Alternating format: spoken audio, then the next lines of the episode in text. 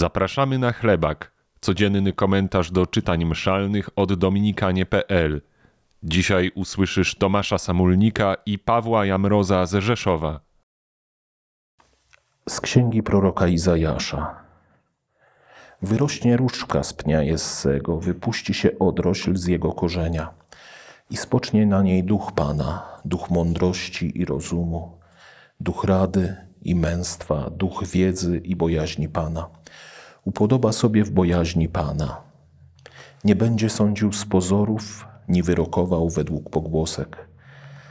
Raczej rozsądzi biednych sprawiedliwie i pokornym w kraju wyda słuszny wyrok. Rózgą swoich ust uderzy gwałtownika, tchnieniem swoich warg uśmierci bezbożnego. Sprawiedliwość będzie mu pasem na biodrach, a wierność przepasaniem lędźwi.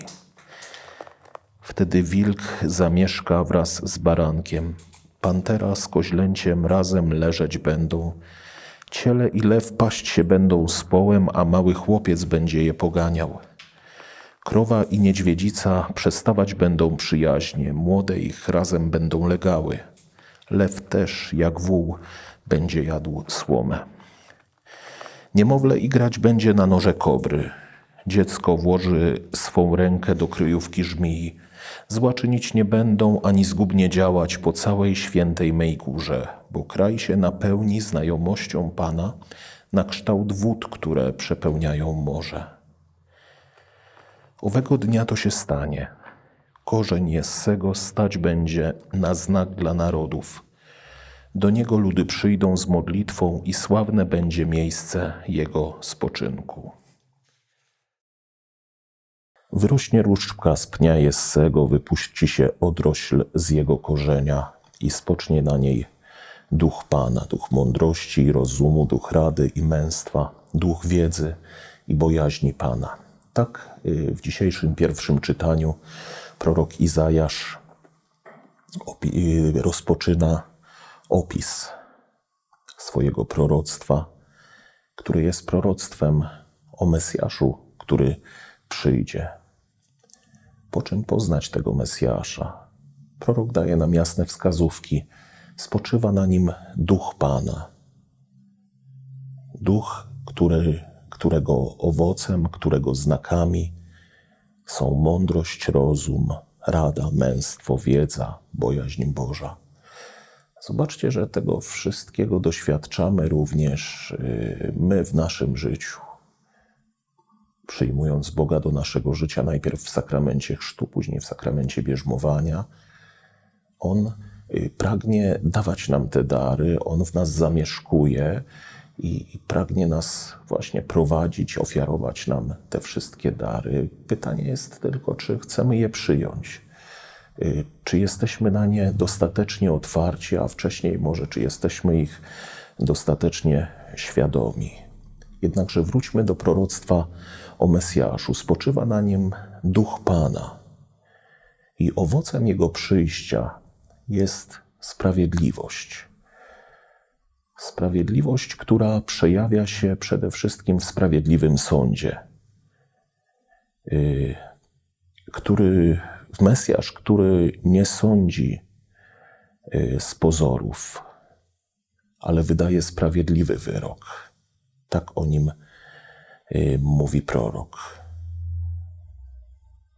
Ponieważ On, jako Bóg, zna serce ludzkie bardziej niż człowiek sam, samo swoje serce zna i potrafi osądzić nasze intencje, zamiary, nasze postępowania w swojej wszechmocy, w swojej sprawiedliwości, w swojej ogromnej miłości do nas, widzi nas i zna jak nikt inny na świecie.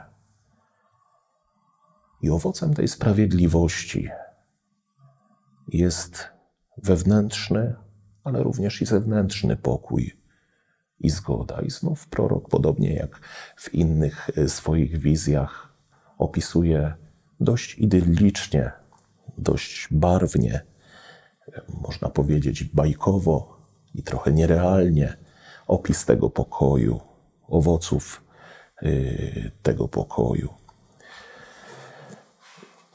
Jezus Chrystus, Jego Słowo przychodzący Mesjasz, jest znakiem tej sprawiedliwości. Jego słowo jest mieczem, które sądzi, które osądza nasze serce, a przede wszystkim, które jest y, drogowskazem sprawiedliwości. Czyli podpowiada nam, mówiąc po prostu, w jaki sposób żyć sprawiedliwie. Obyśmy chcieli przyjąć Jego słowo i postępować tak, jak On nam mówi, jak mówi nam Jego Ewangelia, jak mówi nam Jego życie, którego przykład nam zostawił i którego przykład przechowali ewangeliści, którego przykład wyłożył święty Paweł i przez wieki chrześcijanie żyli w ten sposób. Oby to było również naszym udziałem.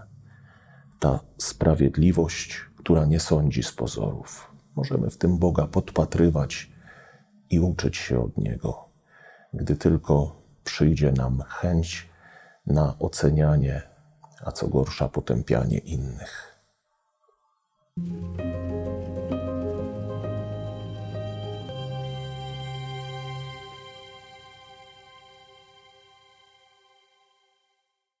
Z Ewangelii według świętego Łukasza.